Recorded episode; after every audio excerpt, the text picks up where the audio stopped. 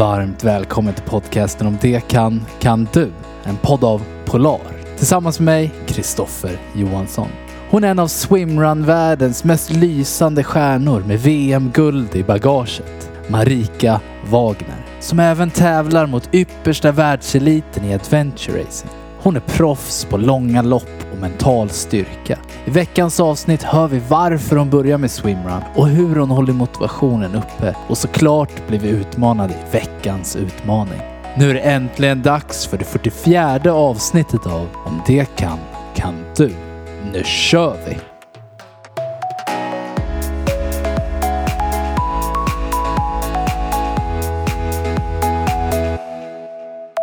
Kul! Sitta här med Marika Wagner. Ja, Hur står det till? det är jättebra och det är jättekul att vara här. Oh, nice. För vi satt och pratade här lite innan.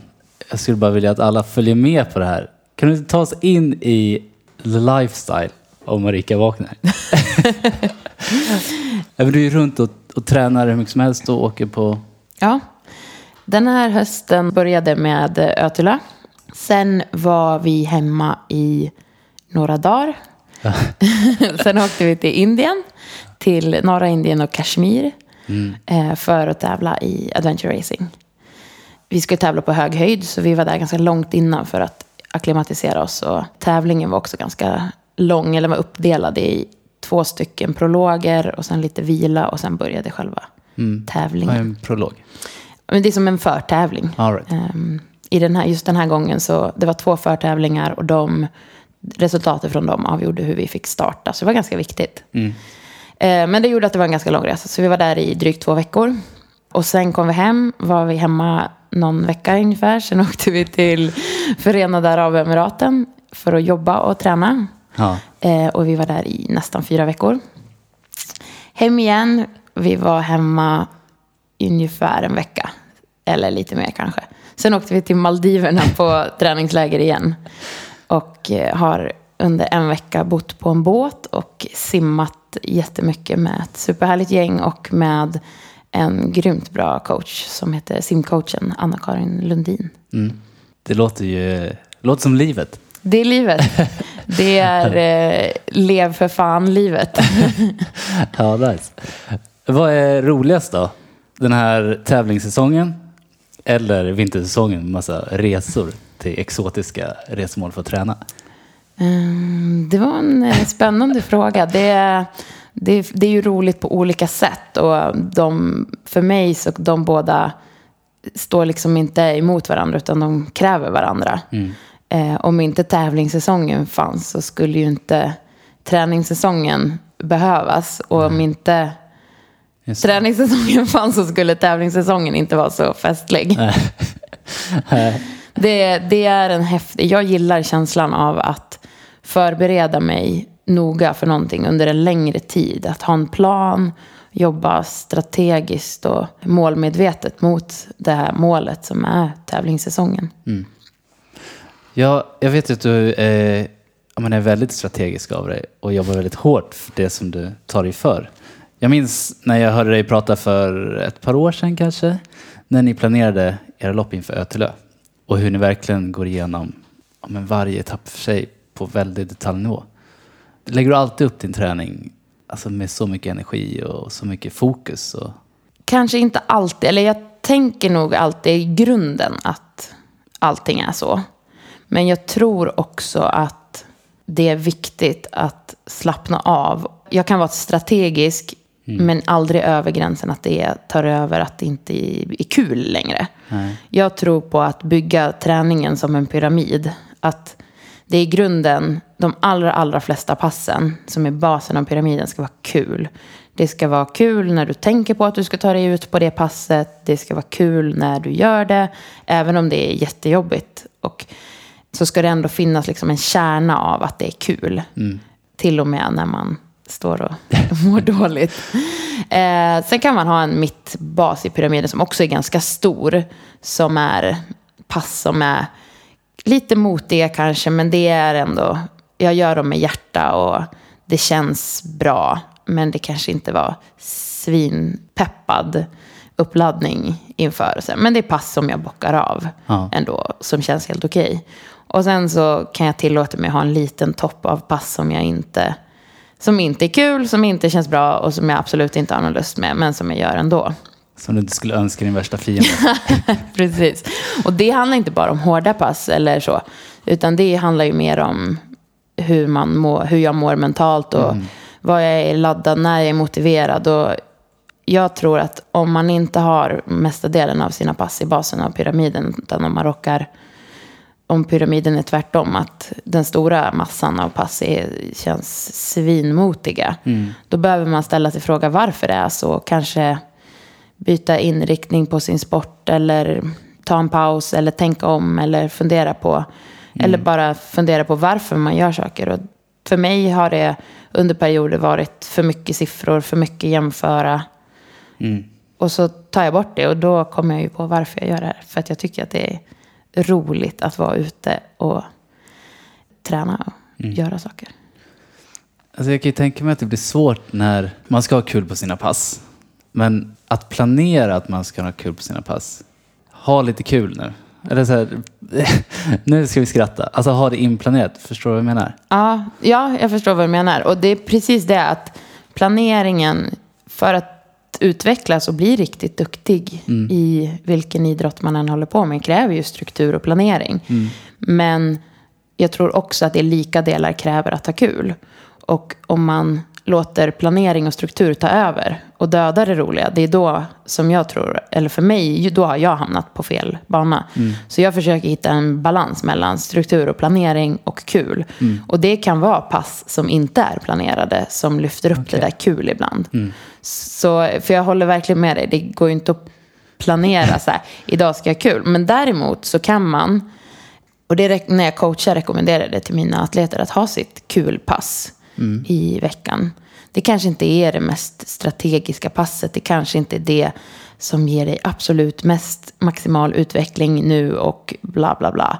Men det gör att du njuter lite mer av det du gör. Och det är ett pass där du... För många är det kanske ett pass utan klocka. Mm. Eller utan... Man pratar ofta med träning om att varje pass ska ha ett syfte. Mm. Men det kanske är ett syfte att det inte har ett syfte. Mm. Just för att få känna mera och tänka mindre. Ja, intressant. Marika, varför började du med swimrun till att börja med? Jag höll på med triathlon, men var väl kanske egentligen mer fortfarande, eller redan då, mer förtjust att springa i skogen än på asfalt. Ja. Och ska man bli riktigt duktig i triathlon, då måste man springa på asfalt, för det är då man okay. lär sig att bli snabb. Ja. Så jag hade väl kanske en en bakgrund och en inriktning som passade för swimrun. Men jag hade inte hört talas om det och var inte i den... Eller jo, men jag var liksom inte i den svängen. För mig, i triathlonvärlden då, för när ÖTÖ var ganska nytt, mm. så fanns ju det som en sån här grej. Man visste ju vad det var och det var en del triatleter som körde det varje år. Men där jag var då, kortdistans triatlet som gillade fart och strävade efter att utvecklas på att springa milen så fort som möjligt. Mm. Så var det ganska oseriös grej att köra liten ö till ö-tävling vid sidan av. Ja. Utan jag var ganska fokuserad på det jag gjorde och det passade inte mig att ta dem. Långdistanser? Nej, och jag tror ju mer man har hållit på med triathlon till exempel så är ju att köra ö ett mindre avsteg. Men jag var relativt ny fortfarande, vilket gjorde att jag behövde fokusera på det jag höll på med. Mm. Men till slut så, så lät jag mig övertalas till swimrun. Ja. Jag jobbade i många år ihop med en av de här Original Four, med Jesper. Och han... Vilka är Original Four? De som gjorde det första vadet som okay. ledde till den tävlingen som idag är ÖTÖ. Just det. De slog vad på ute om vilka som kunde ta sig snabbast till Sandhamn. Och en av de killarna har jag jobbat med och han, har ju, han såg ju direkt att det här skulle ju passa mig ja. och har tjatat sen första dagen vi sågs. Oavbrutet. Ja. ja. Nej men så till slut så gav jag med mig. Och ja. det är jag väldigt glad för idag. När var det här? Ja, när han började ju tjata ungefär 2009. Uh, men jag körde mitt första ö till uh, 2013. Ja, för det känns som du har varit med, eller Ötelö har kanske inte varit så publikt känt. under så lång tid? Det känns som att du alltid varit med där och alltid varit med i toppen där. Jag tror att jag kom in på swimrun ungefär samtidigt som det blev mer publikt. Mm. Mm. Utåt sett så har man varit med sedan 2012-13 Ja. så blir det ju att man alltid har varit med. Åren innan där var det inte så mycket bevakning på det. Nej. Eh, till viss del, men inte alls som det är idag. Fastnade du direkt? Ja, Kände du att det här... det finns en väldigt speciell känsla både med swimrun som sport eller som aktivitet och med eh, Ötelö som tävling. Och eh, jag hade ju aldrig kört något så långt innan, men jag fastnade för långdistans direkt. Eh, jag förstår faktiskt inte vad jag har gjort, varför jag inte har, varför jag inte har dragits till det innan jag provade det på det sättet som jag känner nu. Vad är det som drar? Eller vad är liksom... Det som drar med långdistans, det är just den här äh, kämparglöden som ska till. Självklart om man ska köra korta distanser väldigt, väldigt snabbt så måste man kunna pressa sig. Och det är också spännande och kul tycker jag. Men långdistans, det, det finns en mental aspekt och en, en hårdhet i kroppen att plocka fram som är... Jag tycker det är, det är spännande och kul. Och sen eh, just ö, att komma in på swimrun också. Eh, från individuell idrott och sen börja få tävla i lag tillsammans med någon. Det, Just det. det, det är ju en helt ny värld som öppnas. Det är superkul. Ja. Hur gör du då för att hålla motivationen uppe under så här långa race som du kör? Där tror jag det handlar ganska mycket för mig om att jag har en plan innan. Jag har en plan vad jag ska göra och kanske jag har vågat tänka igenom också när, när det kommer, där kommer det kännas lite dippigt eller att jag vet att det kommer inte kännas svinlätt hela vägen. Men jag vet ju också att om det känns tungt då har vi ju gått hårt och det är ju något positivt liksom. Och att ja, men veta, jag, vi, vi pratar mycket och vet våra vapen. Tänker så här, här är vi bra, det här är vi starka på. Och så håller man de grejerna i fokus. Och jag, vi, vi är väldigt duktiga på slutet, vi vet det. Eh, och vi fokuserar mycket på det. Att, att göra ett bra avslut. Och vi är också väldigt snabba i de första två öarna är eh, väldigt teknisk terräng, hala klippor, mycket stenar. Där är vi också väldigt duktiga och att veta det och komma till de ställena där man vet att man är bra med en extra glädje och tagg inför att nu här, här ska jag essa liksom. Ja. Det skapar jättemycket motivation och då, då tar jag mig igenom de delar som jag inte är lika förtjust i. Hur förutser man det? Men här vet jag att det kommer vara tungt. Det känns som en jättebra poäng som alla egentligen skulle kunna tänka på. Även om man springer milen eller Ja. så här. Det kan vara olika beroende på hur man är som person och vad, vad man är bra på. En del är ju duktiga på att gå ut lite hårt. Och då kan man ju vara med på att Det det, kom- kommer en liten dipp efter det. Ja. En del vet med sig att de är trögstartade och då vet man att det kanske är tungt de första tre kilometerna. Men sen jäklar, då vet... Och då fokusera på att veta att man kommer komma in i en ny fas sen. Det tror jag. Sen så kan man ju vända på det och försöka tänka. Snarare att tänka på de delar man vet att man kommer vara bra på. Jäklar, jag vet att jag har ett bra avslut de sista två kilometerna. den- Det är mina liksom. Och foka på det och ta sig dit. Och så gå in med en känsla att man är bra på det. Ja. Det måste ju ändå vara en väldigt skön känsla att veta att man är bra i slutet av någonting. Ja, men det kan ju vara en... Ja, absolut. Jag gillar ju det. Och jag gillar ju att spurta också. Och eh, jag är inte rädd för att det kommer bli tajt. Om man springer ett tio timmars lopp och tänker tänk om vi är tillsammans med några sista kilometern. Och så oroar man sig för det i tio timmar. Det blir skitjobbigt. Jag längtar ju till hoppas vi är med några sista kilometerna. Ja. För då jäklar ska de få bekänna färg. Ska de slå mig då får de ta i. Ja. Lite så. Men, och det är ju bara något som jag har intalat mig. Det är ju helt i mitt huvud. För att jag tycker att det är kul. Jag tycker det är kul att spurta. Jag tycker det är kul när det är tajt. I år så kom vi in på strax över nio timmar ihop med ett annat lag. 30 sekunder bakom första platsen. Och jag kommer hellre tvåa med bara 30 sekunder uppåt än att vinna med en timme. För att jag tycker fighten är kul för mig är det det som är spännande med, med att tävla. När det är tajt och när det är lite fight. Det är jättejobbigt. Jag är också helt darrig på insidan och skitnervös när det blir tajt och jobbigt. Och alla tankar om att, eh, hur jobbigt det är och hur lätt det ser ut för de andra kommer ju till mig med. Men jag tycker att det hör till och jag ser fram emot det lite. Och för det ställer oerhörda krav på att hantera de känslorna som bara flyger runt i huvudet. Det blir som en till skills. Liksom. Och jag är inte bäst på det. Jag bryter också ihop. Men jag tycker ändå att det är kul. Det är kul att vara där ute på, på gränsen. Mm. Hur ser det ut framöver då? Du har ju många år framför dig, tänkte jag säga. Ja, det tänker jag också att jag har. Ja. Samtidigt med idrott vet man ju inte om man har Nej. en tävling kvar. Eller om man har tio år kvar. Nej. Eh, Hur ligger planeringen? Ligger den ett år i taget? Så? Ja, ganska mycket. Och det har ju ganska mycket med dels att tävla i lag. Ställer ju krav på ens lagkompisar också. Det går inte att planera jättelångt framöver. När det är fyra som i adventure racing då som ska komma överens.